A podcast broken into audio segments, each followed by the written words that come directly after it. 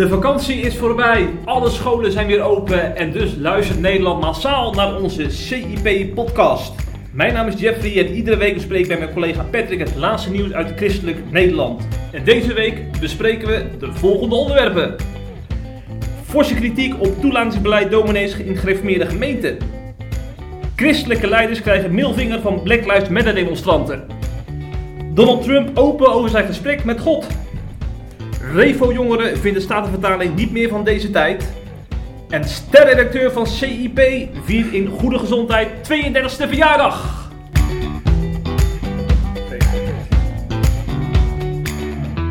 Patrick, van harte gefeliciteerd.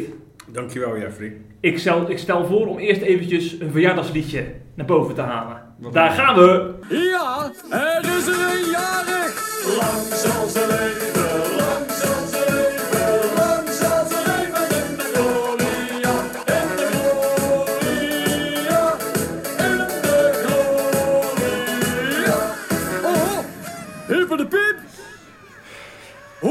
ja, dacht het wel. Ik moet ook namens eh, Henk Storrevogel en namens professor De Reuver en namens Willem Ouweneel zeggen... Van harte gefeliciteerd. Waarom lieg je? Zo gaat het altijd bij Johan Derks als die jarig is. Hè? Dan bellen Ja. ze alle bekende Nederlanders ja. op. Ja. Had je bij mij, ik had ook wel zoiets verwacht van jou. Ja, vooral degene waar ik een beetje moeilijke interviews mee heb gehad, laten we het zo zeggen. ja, ja, ja. ja. Dat is een leuk idee voor volgend jaar. Het zijn er trouwens niet zoveel hoor. Ik kan het met iedereen meestal wel goed vinden die ik interviewt. Ja. Meestal kan ik het niet zo goed vinden met mensen totdat ze me spreken. Oké, ja. Heel raar, ja. hè? Ja, heel typisch is Ja. dat, ja. ja. Dus eigenlijk heb jij gewoon het eh, beste beroep gekozen. Want anders Ja. zou je er niet eens spreken. Ja, precies. Mooi voor je. Of het beroep heeft mij gekozen. Hè? maar ga je het nog vieren? Eh, ik heb gisteren uitgebreid gegeten, veel vis uiteraard. Zoals je weet woon ik in Zeeland, dus ik heb heel veel vis op. En ik ga eh, het verder eigenlijk niet zo vieren, nee. Ik hou er niet zo van. Nee. Maar waar we wel van houden is natuurlijk de ergernis van de week.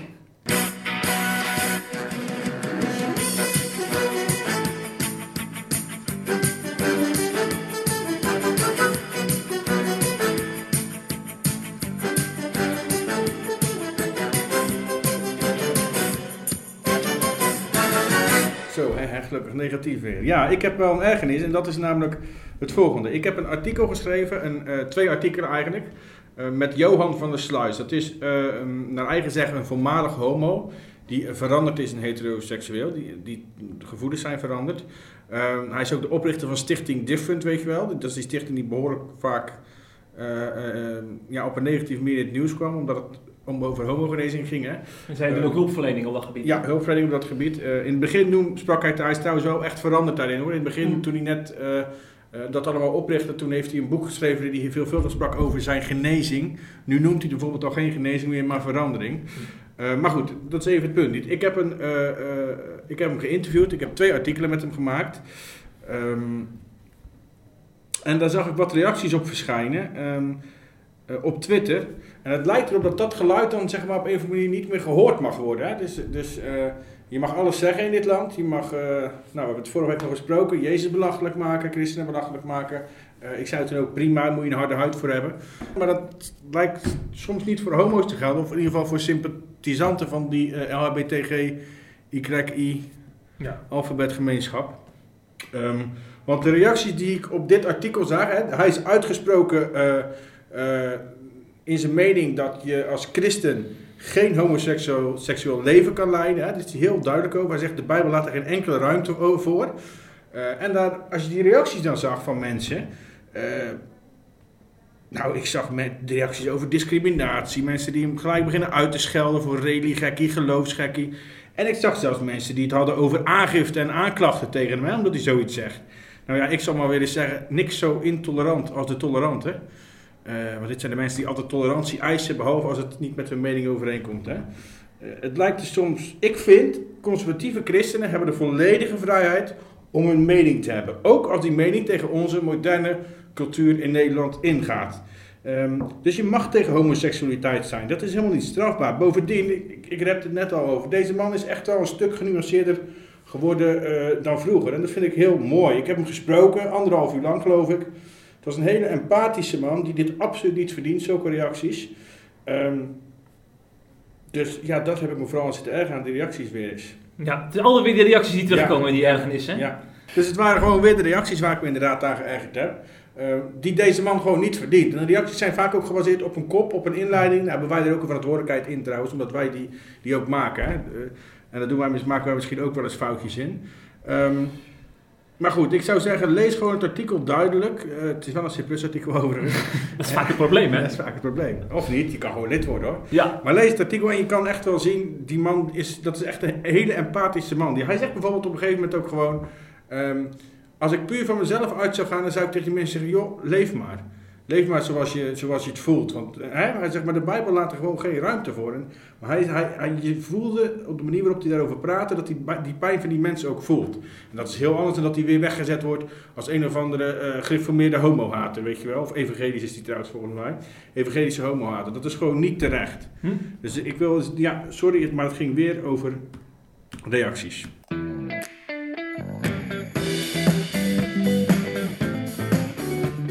Je luistert naar de CIP-podcast.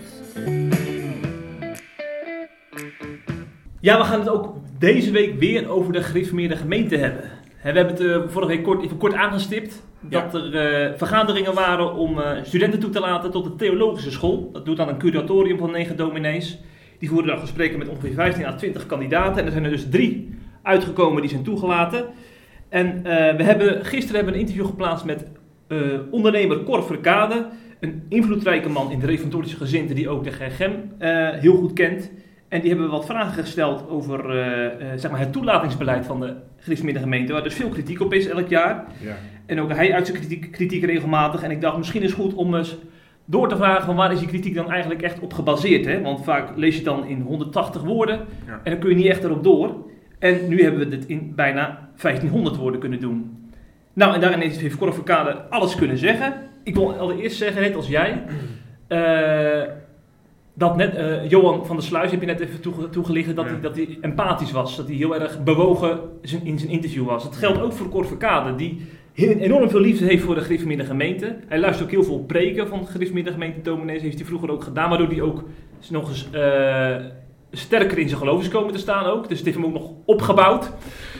En dat is toch een belangrijke toelichting, want eh, veel, veel, veel, vaak worden dit soort dominees of dit soort mensen geframed als anti-gereformeerde gemeente. Hè, van ze willen weer eens mijn kerk zwart maken. Dat is bij Cor absoluut niet het geval. En nu ga je vertellen wat hij allemaal kritiek heeft. Ter zake! ja, waarom heeft hij die kritiek nou eigenlijk? Eh, Daar was ik dus benieuwd naar. Hij zegt allereerst, roeping valt niet te toetsen. Dat, is natuurlijk, dat komt voor in die vergaderingen in de, in de Gergem.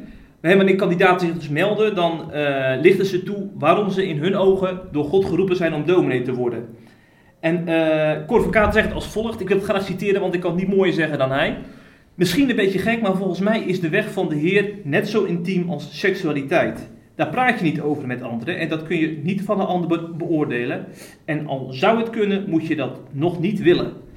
En hij verwijst ook naar Mozes en Paulus, waar jij het vorige week ook even naar hebt verwezen. Hè? Dat zij eh, eh, ook niet geroepen waren op basis van gaven en talenten, maar echt vanuit roeping. Hè? Dat God hen had uitgekozen om het werk te doen. Maar dat doet de gereformeerde gemeente ook niet, hè? Op basis van talent en gaven. Nee, nee, nee. nee toetsen de roeping, hè? Niet, niet Ja. de talent en de gaven. Ja, dat richtte jij vorige week toe. Ja, ja. Ja. En eh, die Corvocade die eh, stipt dan ook aan dat, eh, tenminste in zijn ogen, als er een cur- curatorium zou zijn geweest in hun tijd, dat ze nooit zouden zijn toegelaten, want ze gingen gewoon een roeping eh, achterna. En vervolgens bracht de Heer dan mensen op een pad om ja, die roeping ook gestalte te geven. En daar ging niet een of andere Sanhedrin aan vooraf met allemaal Joodse geleerden die, die daar een, ja, je zit betwijfeld te Nee, kijken. nee, nee, oh, nee, nee, nee. daar ging niet een of andere hoog, hoogleraar aan vooraf om, om die roeping, van Paulus of Mozes te Ja. toetsen en dan vervolgens wel of niet toe te laten. Precies. Dat is het verhaal van- Sanhedrin zou ik het nou niet noemen. Maar... Ja, ja nou, omdat in die tijd ik nog geen cu- curatorium had, dus ik dacht misschien, wel, misschien beter om iets anders te noemen. Ja, maar dan zou ik het niet Sanhedrin noemen. Eh, ook praktisch heeft hij zo zijn kanttekeningen, deze Corvocade.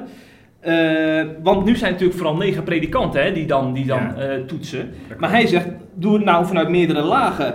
Eh, ga zo'n opleidingsperiode in. En vervolgens kun je eh, vanuit verschillende niveaus kun je wel of niet iemand toelaten tot het predikantschap.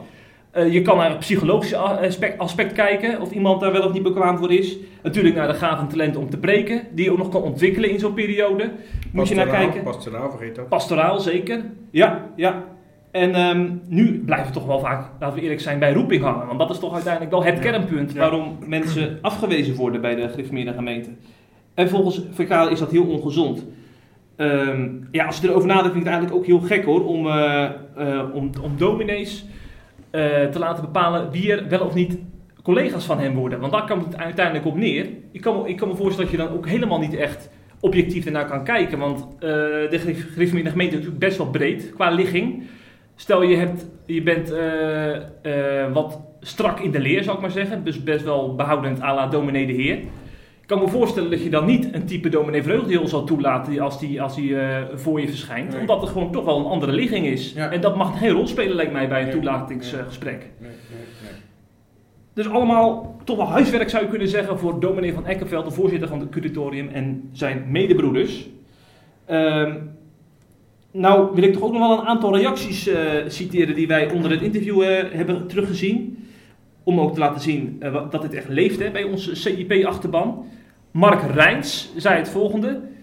Waar vindt men zo'n proces, dus dat toelatingsproces, terug in de schrift? God bouwt zijn gemeente. Hij geeft gaven en hij geeft herders en leraren aan de gemeente. Misschien is het wel zo dat alle kerkelijke en menselijke systemen en verordeningen de oorzaak is van alle tekortkomingen in de gemeente. 13 likes voor Mark. Kees van der Vliet, dat is trouwens een van de topfans van CIP, Ja. die zie ik overal voorbij Ja, komen. ik ook. Hij zei, eh, het curatorium stelt dat een predikant van Gods wegen geroepen moet zijn, terwijl de Bijbel als zodanig geen eens predikanten kent. En daar een klein clubje predikanten bepaalt die worden toegelaten, heeft het kerkgenootschap alles weg van een top-down structuur à la de Roomse kerk. De protestantse kerken kenmerken zich juist vanuit het mandaat dat bij plaatselijke gemeente ligt. Net zoals in de eerste gemeentes het geval was. 26 likes voor Kees. En dan als laatste, dat is een reactie van Facebook en die is van Jurjen ten Brinke, die kennen wij. Zo, en die eh, ligt er ook niet om. Nee, nee. Hij neemt geen blad voor de mond, deze kerkplanter uit Amsterdam. Hij zegt, het spijt me. Ik kan er niet meer voor bidden. Zo lang gedaan. Vrienden, familie, mensen die de Heeren vrezen zijn opgegaan. Eén, twee, drie, zelfs vijf keer. En telkens afgewezen terwijl hun kerkraad unaniem heeft doorverwezen naar het curatorium. Natuurlijk kan God daar doorheen breken, maar je kunt God ook weerstaan, zegt de Bijbel. En voor mij is het klip en klaar dat dit systeem niet geestelijk is. Ik weet werkelijk niet meer wat ik moet bidden hieromtrent. Zegt hij nou dat ze met dit systeem God weerstaan? Ja, eigenlijk zegt hij dat. Ja, dan kun je daaruit opmaken, ja. Ja, Zo. en dan heeft bidden ook geen zin, zegt hij, want dan moet eerst het systeem doorbroken worden. Dan kan je daarvoor bidden. Ja, ja, dat is ook wel weer zo, ja. ja. Zeg Patrick, eh, ik weet, jij kent de gemeente gemeente natuurlijk ook goed. Ook in Tolen zijn ze behoorlijk groot, hè? En jij Ja. kent ook veel mensen die, die daarin komen. Ja. Ik ben benieuwd of jij vindt dat ze zich op een doodlopende weg bevinden met dit beleid. Nee, dat vind ik een, een veel te scherpe stelling eerlijk gezegd. Ja? Het is namelijk zo, zolang je de Bijbel hebt en de woorden die daarin staan, vind je jezelf nooit op een doodlopende weg. Hmm. Dat is één. Beetje flauw, maar dat vind ik wel echt. Ehm, maar ik heb wel iets over te zeggen. Ik vind het dan eerst natuurlijk wel gewoon jammer dat er zo weinig predikanten in die kerk zijn. Maar laten we vooral niet vergeten, één, dat er eh, heel veel kerken zijn waar dat nog veel minder is. Hè? Zo, zo- hoe, hoe strenger je komt eigenlijk, hoe behoudender, hoe minder dat wordt. Hè? Geminet, oud-gem, dan zijn er helemaal bijna geen predikanten meer. Hè? Daar is dat Ja. allemaal nog veel strikter. Hè? Letterlijk op één hand te tellen daar, denk ik. Letterlijk op één hand te tellen, ja. En eh, ten punt twee, er is ook een totaal andere kant van dit verhaal. En dat zien we bijvoorbeeld in de PKN, waar vrijwel iedereen dominee kan worden die theologie gestudeerd heeft. Maar wat zie je daar dan? Dan zie je mensen dominees worden, die daar, dominee worden, die daar helemaal niet geschikt voor zijn. Dus dan zie je hele gemeentes die drie kwartier lang zuchtend op de horloge zitten te kijken wanneer de preek af is. Omdat er een predikant vooraan staat die gewoon een riedeltje van zijn eigen papier af zit te lezen. Heel mooi opgeschreven, maar dat komt natuurlijk totaal niet over als je het zo voorleest. Dan kan je beter bij ons komen werken, zou ik zeggen. Als je goed kan schrijven, precies, bij CP. Ehm, of predikanten die bijvoorbeeld amper empathisch zijn en daardoor hun pastorale taken niet goed uit kunnen voeren. Dus dat is weer de andere kant van het verhaal. Als je alles en iedereen maar toelaat. Maar goed, ik moet daar wel bij zeggen, eh, dat is natuurlijk niet waarop ze mensen aannemen of afwijzen. Het gaat echt om de roeping eh, die ze beoordelen. En daar heb ik wel echt een bezwaar tegen hoor. Dat mensen gaan beslissen of een al, ander mens al dan niet echt door God geroepen is of niet. Dat, dat, dat, ja, ik vind dat nogal wat. Ik zou het niet durven beslissen voor een ander eerlijk gezegd. Het, komt een beetje over alsof ik dan ehm, op de stoel van God gaat zitten. Ik bedoel, juist die gaven, die talenten kunnen wel beoordeeld worden. Je kan iemand echt wel beoordelen, niet in één gesprek, maar wel na een opleiding bijvoorbeeld, tijdens een opleiding. Of die in staat is om een gemeente te leiden, eh, pastoraal gezien, en of die in staat is om goede preken te houden. Maar je kan iemand niet beoordelen op zijn roeping lijken, want je bent God niet. Dus ik vind dat we daar, dat we daar eh, ik vind dat een beetje een vreemde procedure. Aan de andere kant moeten we ook niet denken dat het zomaar wat is. Hè. Ik ga nou heel reformatorisch doen, maar deze mannen en broeders die doen echt zuchtend en biddend hun werk. En dat is echt niet heel lichtvaardig of bestuurlijk. Dat ze even besluiten, heeft hij genoeg gehuild? Heeft hij een mooi verhaal over zijn roeping? We nemen hem wel niet aan. Dat, dat gaat echt wel met heel veel moeite en bidden. Zowel bij degene die het beoordelen als degene die, die zelf voorkomen. Maar ja, je zou er maar zitten en overtuigd zijn van je roeping en eh, dat, dat God wil dat je eh, predikant gaat worden. Je ziet het helemaal voor je. God heeft je gereed gemaakt ervoor.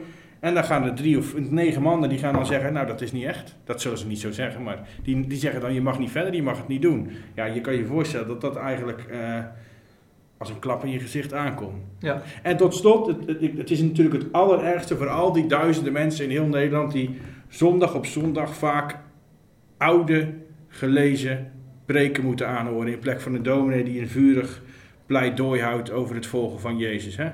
Ik, ik bedoel, ik kan me voorstellen dat je dat na een paar zondagen spuugzat bent. Moet je nagaan dat je dat zondag aan zondag aan zondag moet horen. Weinig actualiteit in de preken, maar vaak pakken ze ook nog eens preken soms van tientallen jaren oud hè, of nog ouder. Ehm, weinig persoonlijk toe te passen en voor veel mensen wordt het dan niet veel meer dan uitzitten. Hm? Dus dat zijn de grootste slachtoffers en daar moet meer aan gedacht worden zou ik zeggen. Hm, hm, hm. Ja, ik ben ook heel benieuwd of ze überhaupt iets met die kritiek doen hè, bij dit curatorium. Of zouden ze gewoon zeggen van denken van... eh, Van ons? Nee, Of, ja, eh, even vanuit de eigen achterban. Ja. Want eigenlijk Cor Verkade is natuurlijk niet de echte achterban, Nee. maar die vertegenwoordigt wel een groep Ja. club die dat wel vindt. Ja, ja. Nou, ik, ik weet het niet. Ze moeten wel, want anders wordt die achterban steeds kleiner. Ja. Dan gaan ze steeds meer over naar, eh naar hersteld en hervormde kerk, of herstelde kerk, pardon. Ehm, of naar de CGK, of ook wel naar eh, bondsgemeentes binnen de PKN. Hè. Ja. Dus, en dan wordt het nog erger, want dan gaat de groep die zich echt daar fanatiek voor inzet en die, die, die nog in, ik zou zeggen, in vuur en vlam staat, die verdwijnt dan steeds meer uit die kerk. Mhm. En dat is natuurlijk heel zonde voor een kerk die, eh, die zo groot is, die zoveel historie heeft en die eh, ook zoveel uit zou kunnen stralen naar de buitenwereld toe. ja, ja. We gaan naar de andere kant van de oceaan.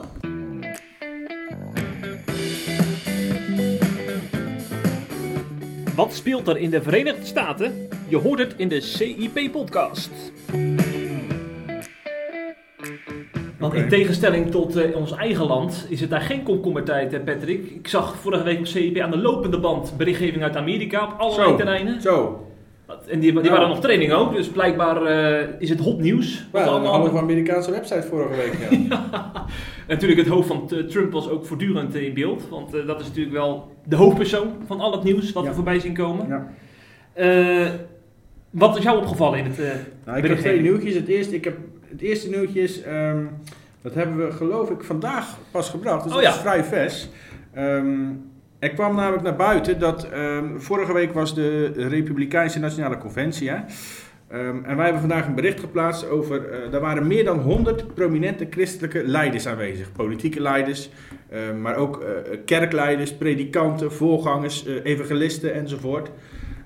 En heel veel van hen die werden na die conventie, de laatste avond, na de laatste avond, werden ze bij het verlaten van het Witte Huis, waar het plaatsvond, werden ze eigenlijk heel onaangenaam verrast door een behoorlijk grote groep Black Lives Matter protestanten. Die namelijk diezelfde leiders, ehm, en natuurlijk ook anderen, maar wij focussen ons op die christelijke leiders omdat dat voor ons relevant is. Hè? Dus laten we duidelijk zijn, het waren niet alleen de christenen die werden be- belaagd, maar die pakken wij er even uit. ja. Eh, die werden geïntimideerd door de demonstranten, ze werden bedreigd. Eh, en dat ging er behoorlijk heftig aan toe. Ik heb er beelden van gezien. Er werd flink gescholden, er werden ongepaste gebaren gemaakt. En ze stonden met middelvingers voor de neus. Eh, ze achtervolgden ze. ze, echt eh, blasfemische teksten overigens ook, antichristelijke teksten. Ehm, en daar waren echt wel, echt wel bekende namen bij hoor. Onder andere Johnny Moore, eh, Rand Paul, Franklin Graham uiteraard. Ehm, ja, ik zou zeggen, laten we even een fragmentje horen.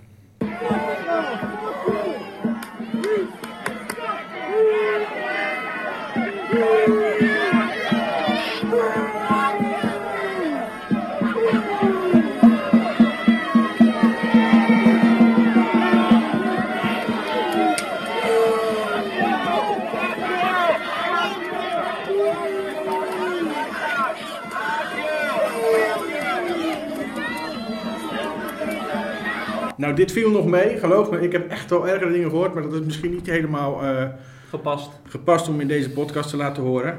Eh, maar ga daar maar vanuit. En ik vind dat dit, ehm, dit verhaal, dat we dit te weinig horen. Het gaat eigenlijk in onze Nederlandse media en ook in de Amerikaanse media ehm, bijna alleen maar over de strijd tegen racisme die Black Lives Matter voert. Ehm, maar eigenlijk is heel die organisatie gekaapt door relschoppers. En dat gaat ten koste van heel veel mensen die met goede bedoelingen tegen racisme strijden. Want laten we gewoon, eh, laten we het is heel duidelijk zijn. eh, We zijn tegen racisme natuurlijk, wij ook. En de strijd tegen racisme steunen we. Maar heel die organisatie, BLM, die is echt gekaapt door relschoppers. Onder andere van Antifa, maar ook eh, andere organisaties. Maar je zegt dus dat het niet alleen maar een, een flank is, maar dat het echt in de top van de dat organisatie zit in de top van de organisatie. Ja, ja, ja, ja. En ehm, die zijn al lang niet meer bezig met de strijd tegen racisme alleen. Die zijn echt met een, met een machtsstrijd eerder bezig. Hè? Ehm, en dit geluid horen we veel te weinig. Wat ze hier allemaal doen. Er worden echt heel veel rellen vinden er plaats in de Verenigde Staten. Er worden mensen bedreigd. Er worden mensen geïntimideerd. Ik heb ook beelden voorbij zien komen van mensen die rustig op het terras zitten. En die dan verplicht worden om met de vuist omhoog te gaan staan. Hè? Dat, is Oh ja. dan, dat is dan zo'n teken van Black Lives Matter. Dat, je, dat, dat ze dat steunen. En als ze dat niet doen, gingen ze in hun gezicht gaan schreeuwen en gillen. Akelige beelden. Eh, en dan vroegen ze ook, are you a Christian, are you a Christian? Dus het wordt focussen zich ook op christenen. Wat ook heel veel voorkomt in die BLM eh, eh, is antisemitisme. Daar heeft opperrabijn Jacobs ook al meerdere keren over geschreven op onze website. Dus eh, het is lang niet helemaal zuivere koffie. En daar is dit dus weer een mooi voorbeeld van. Want deze christenen die waren gewoon op die conventie geweest. En die eh, doen verder daar helemaal niks verkeerds mee. En ze werden op, echt op een walgelijke manier belaagd door die demonstranten. Die wat mij betreft dus ook al lang en breed door de morele mand zijn gevallen. Al dan niet opgestoten door de democraten trouwens. Maar goed, laten we dat even terzijde houden. Dus als jij een Black Lives Matter eh, shirt bestelt, dan eh, denk van tevoren na wat je dan ko- koopt, Ja, aanschaft. Ja. Ik steun de leus, ik steun niet de organisatie. Alles Helder. behalve. Ja. En we blijven even in Amerika, eh, want er was nog een andere persoon die best wel veel aandacht trok vorige week. Zelfs in Dagblad Trouw en in het Reformatorisch Dagblad en bij de NOS. Dat ging best wel ver. En dat was een naam die ik eigenlijk eh, niet echt in het vizier had, namelijk Jerry Falwell. Evangelical leader Jerry Falwell Jr. resigning tonight as president of Liberty University. One of President Trump's most powerful evangelical supporters, he's now stepping down. Here's Kira Phillips. His fall from grace was swift and steep. A one time Miami pool attendant, Giancarlo Granda, claiming he'd had a seven year affair with Falwell's wife, Becky, and that Falwell watched when they were intimate. Ja, groot nieuws was het in Amerika. Evangelist Jerry Farwell Jr. raakte in, in opspraak en moest ontslag nemen als president van de door zijn vader opgerichte universiteit vanwege een seksschandaal. Eh, dat schijnt een best wel invloedrijke evangelical te zijn. Hè? Eh, namelijk iemand met een enorm grote universiteit, de Liberty University, waar 120.000 studenten op zitten. En ehm, hij is zoon van een hele beroemde televisiedominee, schijnt, Jerry Falwell Sr. Eh, hij heeft die universiteit dus getransformeerd in een groot imperium ter waarde van 3 miljard dollar. Dus hij is ook enorm rijk. Eh, vrienden en familie profiteerden dan ook uiteraard mee en heeft zelf 100 miljoen dollar op zijn naam staan. Nou, wat is nou het nieuws? Deze eh, invloedrijke evangelical, die heeft een foto laten lekken op Instagram, of geplaatst op Instagram, Ja. Eh, waarbij hij te zien was op eh, een, een luxe jacht, Ja. na- naast een jonge vrouw. Maar eh, dat is natuurlijk op zich, kan dat hè. Assistent van zijn vrouw was dat. Een assistent van zijn vrouw, ja, dat was het, ja. ja.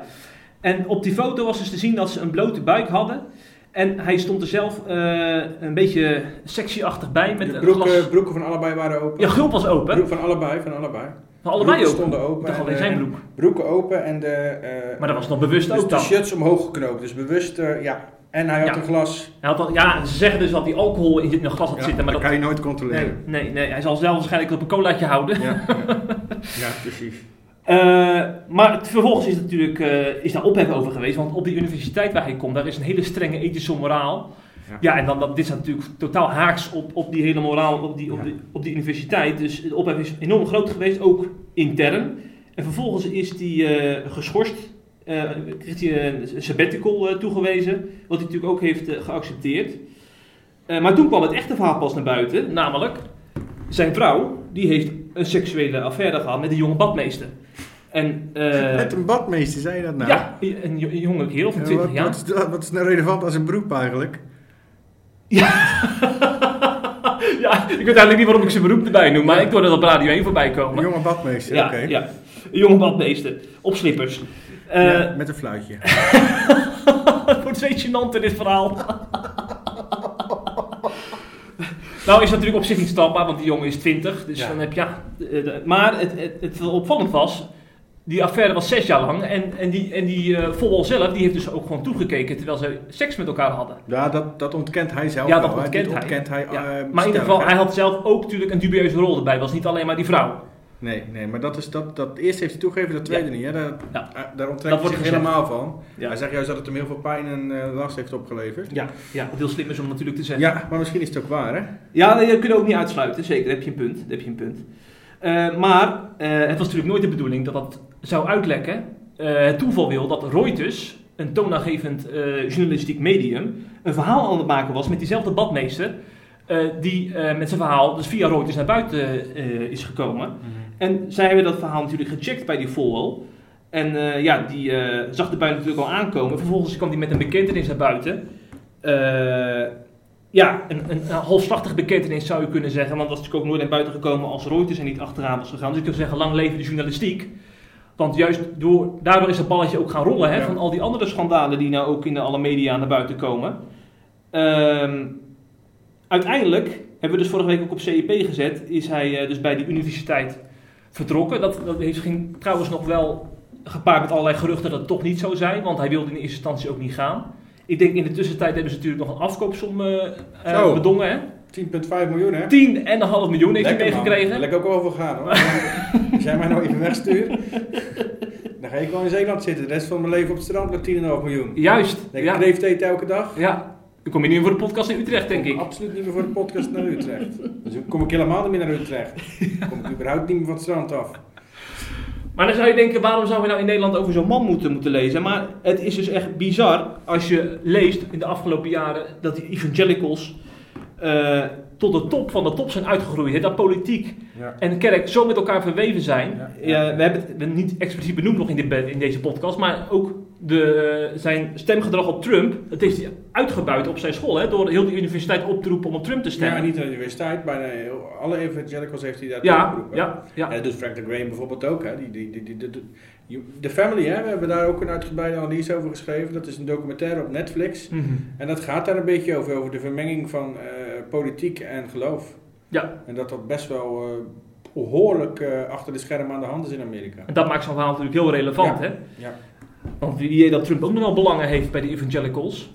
Wat we dat zijn ook allemaal belangen. Hè. Evangelicals die kunnen een hele Ja. grote rol gaan spelen in de verkiezingen zeker, straks. zeker. Hebben ze 80%, vorige keer ook gedaan. 80% stemde op Trump vorige Ja. keer aan de evangelicals. Ja. Ja. Eh, ik, ik zag trouwens nog een interessante analyse bij Zout.org, onze geliefde collega's met een hele mooie opiniesite. Ja. Volg die site vooral, zou ik zeggen. zeker doen. Kim ten Berge schreef het volgende, quote... Het najagen van welvaart en politieke invloed heeft de beweging van binnenuit uitgehold, de evangelical beweging dus. Onderscheiden we voldoende welke invloeden we daarmee in huis kunnen halen?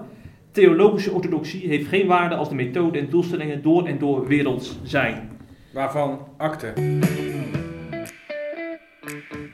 We did it. We built the greatest economy in the history of the world, and now I have to do it again. You know what that is? That's right. That's God testing me. Said, you know, you did it once. And I said, Did I do a great job, God? I'm the only one that could do it. He said, That you shouldn't say. Now we're going to have you do it again. I said, Okay, I agree. You got me. But I did it once, and now I'm doing it again. And you see the kind of numbers that we're putting up, they're unbelievable. Best job numbers ever. Three months, more jobs in the last three months than ever before. Best retail sales in history. Nou, dat zijn behoorlijke woorden van de huidige president van de Verenigde Staten. Die dus, ehm, nou ja, min of meer gewoon zegt: Ik heb een gesprek met God gehad. En dat gebruikt in zijn campagne eh, voor de nieuwe verkiezingen. Ehm, daar wordt heel verschillend door gereageerd. Hè. Er zijn heel veel mensen die dit keihard in twijfel trekken en gewoon zeggen dat dit is allemaal onzin. Het is zelfs regelrechte godslastering en het misbruiken van Gods naam. Zover zou ik niet willen gaan, want net zoals ik net al zei, het beoordelen van de roeping van iemand, eh, Hè, net toen we het hadden over eh, de gereformeerde Hmm. gemeente. Eh, dat vind ik eigenlijk geen mensenwerk. Vind ik het ook wel heel makkelijk om nu te gaan zeggen... ehm, dit zijn, Trump kan niet met God gepraat hebben. Aan de andere kant is het ook te makkelijk om het zomaar blind te geloven. Want het is wel heel mak komt er wel heel goed uit. Hè? En ik geloof niet dat God zomaar in het campagne, campagnestraatje van Donald Trump stapt. Ehm, dus ik zou zeggen, ik vraag me in ieder geval af of God, als hij dan met een gesprek met Trump zou voeren, of Trump met God, of hij nu precies dit zou zeggen. Of die, eh, ik denk dat er wel belangrijkere dingen in Gods ogen zijn eh, wat Amerika betreft eh, dan de economie. Hè? En God komt bijvoorbeeld altijd voor de zwakker op en niet echt voor de economie. Ehm, hoe dan ook, apart dat hij dit zo gebruikt. Ik vraag me af hoeveel gelovigen hier ook makkelijk achteraan lopen in Amerika. Oh, is Amerika daar wel heel anders in dan Nederland, hè? Wij zijn vaak een stuk nuchterder. In Amerika zijn er heel veel christenen die dit geweldig vinden en dit volgen. Ehm, ik ben er wat nuchterder in zelf eerlijk gezegd. Maar hoe dan ook, eh, we hebben nu genoeg over Amerika besproken. Ehm, ik zou zeggen, als je polarisatie wil zien, als je wil weten wat dat woord inhoudt, blijf vooral Amerika volgen. Want dat land gaat op dit moment bijna ten onder aan polarisatie door beide kampen. hè. Dat is echt te bizar voor woorden. Vier jaar geleden was er een verkiezingsstrijd tussen ehm, Trump en Clinton. Hè. Dat was eigenlijk kiezen tussen twee kwaden. En ja, ik zou zeggen, het is nu precies hetzelfde weer. Het is weer kiezen tussen twee kwaden. Ik zou geen van beiden als leider willen. Laat ik dat zeggen. Dus ik zou als ik Amerikaan was, een christelijk Amerikaan, niet weten waar ik op zou moeten stemmen. En hiermee sluiten we ons blokje Amerika af. Ja.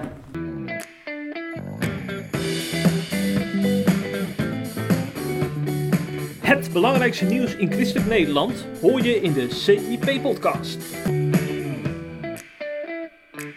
Voordat we weer terug gaan naar eigen land, eerst nog even een tussenstap in Frankrijk. Want wij zagen vorige week een heel opvallend bericht daar eh, binnenkomen. Patrick, heb jij getikt voor CIP? Ja, in Frankrijk zijn inderdaad vorige week meerdere leden van een islamitische familie aangeklaagd. Eh, de aanleiding is, het was overigens een, eh, een Bosnische familie die eh, in Frankrijk is komen wonen. En de aanleiding van dat die, dat die mensen zijn opgepakt, is het mishandelen van een tienermeisje uit hun eigen familie. En ook is haar hoofd kaal geschoren. De reden, het meisje had een relatie, het islamitische meisje had een relatie met een christelijke jongen. Toen ze daarachter kwamen, in het begin ze het nog niet zo'n probleem eigenlijk. Toen kwamen ze daarachter, die familie, dat, dat, ze, dat het heel serieus was. Dat ze ook wilden gaan trouwen. En toen zei ze, ho, ho, ho, dat kan niet. Als moslim kun je niet met een christen trouwen. Toen ze eh, aangaven, zij en haar vriend, dat ze dat idee toch wilden doorvoeren, werd ze eerst behoorlijk aan banden gelegd. Haar telefoon werd afgepakt, ze mocht niet meer naar buiten. eh, zodat ze dachten, dan kan, kunnen ze geen contact meer met elkaar hebben. Nou, dat werkte, zoals wel vaker bij zulke verhalen, averechts. Wat gebeurde er? Ze vluchtten weg met die jongen. Ehm, een paar dagen later kwamen ze toch weer terug en toen ging het helemaal mis. Ze werd namelijk mishandeld door haar vader, moeder, oom en tante. En ze werd zelfs kaal geschoren. Nou, waar doet het aan denken? Jeffrey kaal geschoren, dan denken we direct Auschwitz. aan de Auschwitz en inderdaad ook aan na de oorlog. Hè? Dus moffenhoeren, zoals ze werden genoemd. ja. Die eh hulden met de vijand, die een relatie hadden met de vijand. Dan kan je dit ook zo zien, hè? Christen of moslim-christen. Die werden kaal geschoren omdat, het, omdat ze schande waren voor het land. Nou, zij zien haar, hun dochter en hun nichtje als een schande voor de familie. Dus hebben ze haar eh kaal geschoren. Ja, ik praat, ik, ik vertel het nu zo heel makkelijk, maar het is Europa, Jeff. Dit is Hm. te bizar voor woorden dat dit hier gebeurt. En dat het niet overal op de voorpagina's heeft gestaan in Nederland. Ja. Echt bizar voor woorden. Ja, ja. Dat dit gewoon als normaal gezien wordt. Hm. Of dat is natuurlijk niet waar, nou, nou overdrijf ik. Maar dat dit schijnbaar niet als zo bijzonder gezien wordt. Dat het niet op elke krant in Nederland op de voorpagina staat. Een meisje wat gewoon door haar eigen vader, moeder, oom en tante wordt mishandeld en kaalgeschoren in een kamer. eh, omdat ze met een eh, christelijke jongen wil trouwen. En dat mag niet als moslim. Dat is echt te bizar in een, in een, in een eh, continent als Europa, in een land als Frankrijk, waar letterlijk gevochten is voor vrijheid. Hè? Waar letterlijk een volledige revolutie plaatsgevonden voor de vrijheid. En dat dit nu eigenlijk weer helemaal de andere kant lijkt op te gaan, steeds weer in Europa. Het is echt heel zorgelijk. Overigens, over christenvervolging gesproken, want daar schaar ik dit gewoon onder. Dat meisje trouwens is, dat moet ik nog even afmaken, dat meisje is eh, naar het ziekenhuis gebracht. Ze had flinke verwondingen, gekneusde ribben, gebroken ribben dacht ik zelfs. Ehm, de, die familie is opgepakt, is daarna weer vrijgelaten. Maar het meisje is door, door andere mensen opgevangen. En die familie is eh, vrijgelaten onder de voorwaarde dat ze geen contact mogen hebben met dat meisje. Dat meisje is nu verder veilig. En ik hoop dat ze heel gelukkig wordt met de christelijke vriend en later man. En dat ze ook christen wordt. Ze heeft, gezien, ze heeft het verschil gezien, zou ik zeggen. Over christenvervolging gesproken. Hoe zit het met het gezin uit Middelburg? Weet jij dat? Ja, ik heb nog even app-contact gehad met de schooldirecteur van het gezin waar je naar verwijst. Ja. Maar eh, die kan op dit moment geen laatste stand van zaken geven, want er is nog geen eh, duidelijkheid over het hoge beroep. Ze, weet, ze zegt wel dat, die, dat, ze, dat de gezondheid van de familie echt ach- achteruit gaat vanwege de stress. Mhm. Dat ze heel slecht eten en drinken, die ouders, de laatste tijd. Dus er moet echt snel duidelijkheid komen, want dit, dit, dit breekt natuurlijk op een gegeven moment op voor dat gezin. Ja. Maar ik heb nog steeds heel weinig gezien eigenlijk. Ja. Heb jij politieke aandacht gezien? Nee. Ik Nee. heb toevallig vandaag heb ik op Twitter ehm, tegen Johan Voordewind, dat is, eh, die is Tweede Kamerlid namens de ChristenUnie. Hè? Mhm. Hij houdt zich veelvuldig bezig met Israël en ook met christenvervolging en met eh, asielbeleid ook wel, volgens mij regelmatig. Ja. Ehm, die stuurde een, zette een eh, bericht op Twitter dat ze vandaag weer officieel gaan beginnen in de Tweede Kamer. Na het reces, hè, het zomerreces. Eh, en dat er van alles op de planning staat. Ik heb gereageerd op hem met de mededeling: het zou fijn zijn als er wat politieke aandacht voor dit gezin komt. En vervolgens de link van het artikel wat Ja. wij geschreven hebben, wat jij geschreven hebt hè, over dat gezin. Mhm. Heeft hij nog niet op gereageerd? Ik hoop dat hij het nog wel gaat doen. Eh, ik blijf dat ook doen. Naar allerlei politici die ik tegen ga komen op Twitter. Hij is natuurlijk nou druk, hij heeft natuurlijk 900 Ja, natuurlijk. Dus ik bedoel niet dat hij bewust niet, Ja, ja, niet, zeker niet. Maar ik blijf dit gewoon eh, twitteren. Ja. Ik stel voor dat wij er op SIP ook aandacht aan blijven besteden. Mhm. Dat we ook even een mailtje sturen naar die politieke fracties. Want zoals ik vorige week beloofd heb, dat blijven we doen. Ja, en ik vind het goed dat je daarop ook terugkomt, eh, Patrick. Ja. Want vaak is het zo, dan verdwijnt het weer uit je achterhoofd. Ja. En dan op naar het volgende nieuws. Dat ga ik bij dit niet laten doen. En dan gaat het bijvoorbeeld over de statenvertalingen. Dat dat zou zomaar een onderwerp kunnen zijn die dan even op de picture komt. Ja, dat is een stuk belangrijker. jongen, jongen, jongen ook. Dit is in de reformatorische gezinte nou eenmaal een heet hangijzer. Hè? De, de vertaling die je leest, dat is heel bepalend voor bijvoorbeeld de manier waarop je in je geloof staat voor veel mensen. En daarom vond ik het zo opvallend dat Punt Uit, en dat is een jongerenplatform van het Reformatorisch Dagblad, dat zij een, eh, een video posten met eh, reacties van verschillende jongeren uit onder andere Gereformeerde Gemeente, Gemeente in Nederland, Hervormd en eh, PKN, die best wel op een relativerende toon over die gedegen statenvertaling spraken. En eigenlijk toch een beetje solliciteerden naar de komst van de herziende statenvertaling in hun eigen kerk. Ze zullen het privé natuurlijk allemaal al lezen, dat gebeurt al lang onder de jeugd. Maar ze willen het eigenlijk ook stiekem leidend hebben in, eh, in het kerkelijk leven. Hè? Dat, dat er op categorisatie en in preken vanuit die herziende statenvertaling wordt gelezen. En dan hoor je in het, in het videootje wordt het dan als volgt verwoord door onder andere Gertjan van Delen en Elise Priester. Ik denk dat wij nog steeds de staatsvertaling zullen lezen in 2050 bij ons in de kerk. Eh, wat ik wel zie is dat de HSV natuurlijk wel heel erg onze kringen binnenkomt. Dat, ik heb hem zelf ook thuis liggen en ik lees hem af en toe ook wel. En ik denk dat dat steeds verder gaat opschuiven totdat het steeds meer in kerken gaat komen. De HSV wordt de vertaling van de kerk. Het zou kunnen zijn dat er een eh, andere Bijbelvertaling op de kansel ligt in 2050. Dat kan ik me voorstellen. En ik zal, als de Heer het me geeft en ik leef dan nog, zal ik niet mijn hakken in het zand zetten en zeggen dat zal nooit gebeuren. Want de Heer wil dat in elke tijd zijn woord klinken zal. Op dit moment lezen we de Statenvertaling bij ons in de gemeente. En ik verwacht dat in 2050 de herziene Statenvertaling op de kansel ligt. Persoonlijk vind ik de Statenvertaling echt een verrukkelijke vertaling. Dat geldt alleen niet voor iedereen van mijn generatie en misschien wel de meerderheid niet. Wat voor mij het belangrijkste is, is dat er geen grote kloof ontstaat. En dat de kerk altijd een plek blijft waarin iedereen binnen kan komen. Omdat het evangelie door God naar de mensen gebracht is. En dat moeten we als kerk vooral voortzetten en niet afbreken door een hele moeilijke vertaling erin te houden waar mensen niet meer kunnen levelen. Ik denk dat het wenselijk is dat er eh, in 2050 een eh, andere vertaling op de kansel ligt dan de Statenvertaling. Hoewel deze vertaling eh, zijn dienst echt wel heeft bewezen, denk ik dat deze nu zo ver van de taal van ons als volk is afgegroeid. Dat het ten koste gaat van ons begrip van de Bijbel. En ik denk dat dat op, ja, helemaal over een periode van 30 jaar nog veel lastiger gaat worden. Ja, ik vind het toch wel bijzonder dat eh, deze jongeren in alle openheid hier zo voor uitkomen. Want vergeet niet, in 2010, toen de herziende statenvertaling kwam, dat weet ik nog heel goed. Toen stond CIP nog een beetje in de kinderschoenen. Hè? Eh, toen waren we nog niet zo volwassen als nu, omdat jij natuurlijk nog niet fulltime voor CIP werkte, Patrick. Maar eh, toen werd er ernstig gewaarschuwd tegen de herziende statenvertaling, in hun Ja. kring ook. Soms werd het zelfs een vertaling van de duivel genoemd. Dat ging best wel hard aan toe hoor, ja, in, de, in de ja, media. ja, ja, ja, ja. En eh, dan moet je toch wel lef hebben als je eh, zegt dat je je hakken niet in het zand zet als de herziene, statenvertaling op de kansels eh, gaat komen. Wat dus dominee Bakker van de de Kerk in die video onder andere zei. En ik hoop dan ook dat al die kerkenraden hè, die ook beleid moeten maken voor hoe zijn we kerk in 2050, waar trouwens heel die video over ging, hoe zijn we kerk in 2050, dat ze dan ook in gesprek gaan met deze jongeren over het belang van de herziene statenvertaling en waarom ze eh, nu minder waarde hechten aan die, aan die statenvertaling. Die gesprekken zijn echt van heel groot belang, want als die niet gevoerd worden, dan zeggen we natuurlijk alles blijft bij het oude, want we zijn het gewend. En dan zou je zien, dan krijgen deze jongen op een gegeven moment kinderen. En dan gaan ze in het belang van eh, hun, hun opgroeiende kinderen gaan ze naar een andere kerk, waar wel in de begrijpelijke vertaling wordt gelezen. Ja. En dat lijkt me toch niet de goede weg voor dat hadden we het net ook al over bij die, eh, bij die meer dominees, hè? Dan zeiden we hetzelfde al. En gereformeerde gemeente? Ja. Ja. Ja. Ja. ja. dit zijn dezelfde soort gemeentes natuurlijk. Jazeker. Ja, Ja. zijn dit soort gemeentes. Lang leven de jeugd.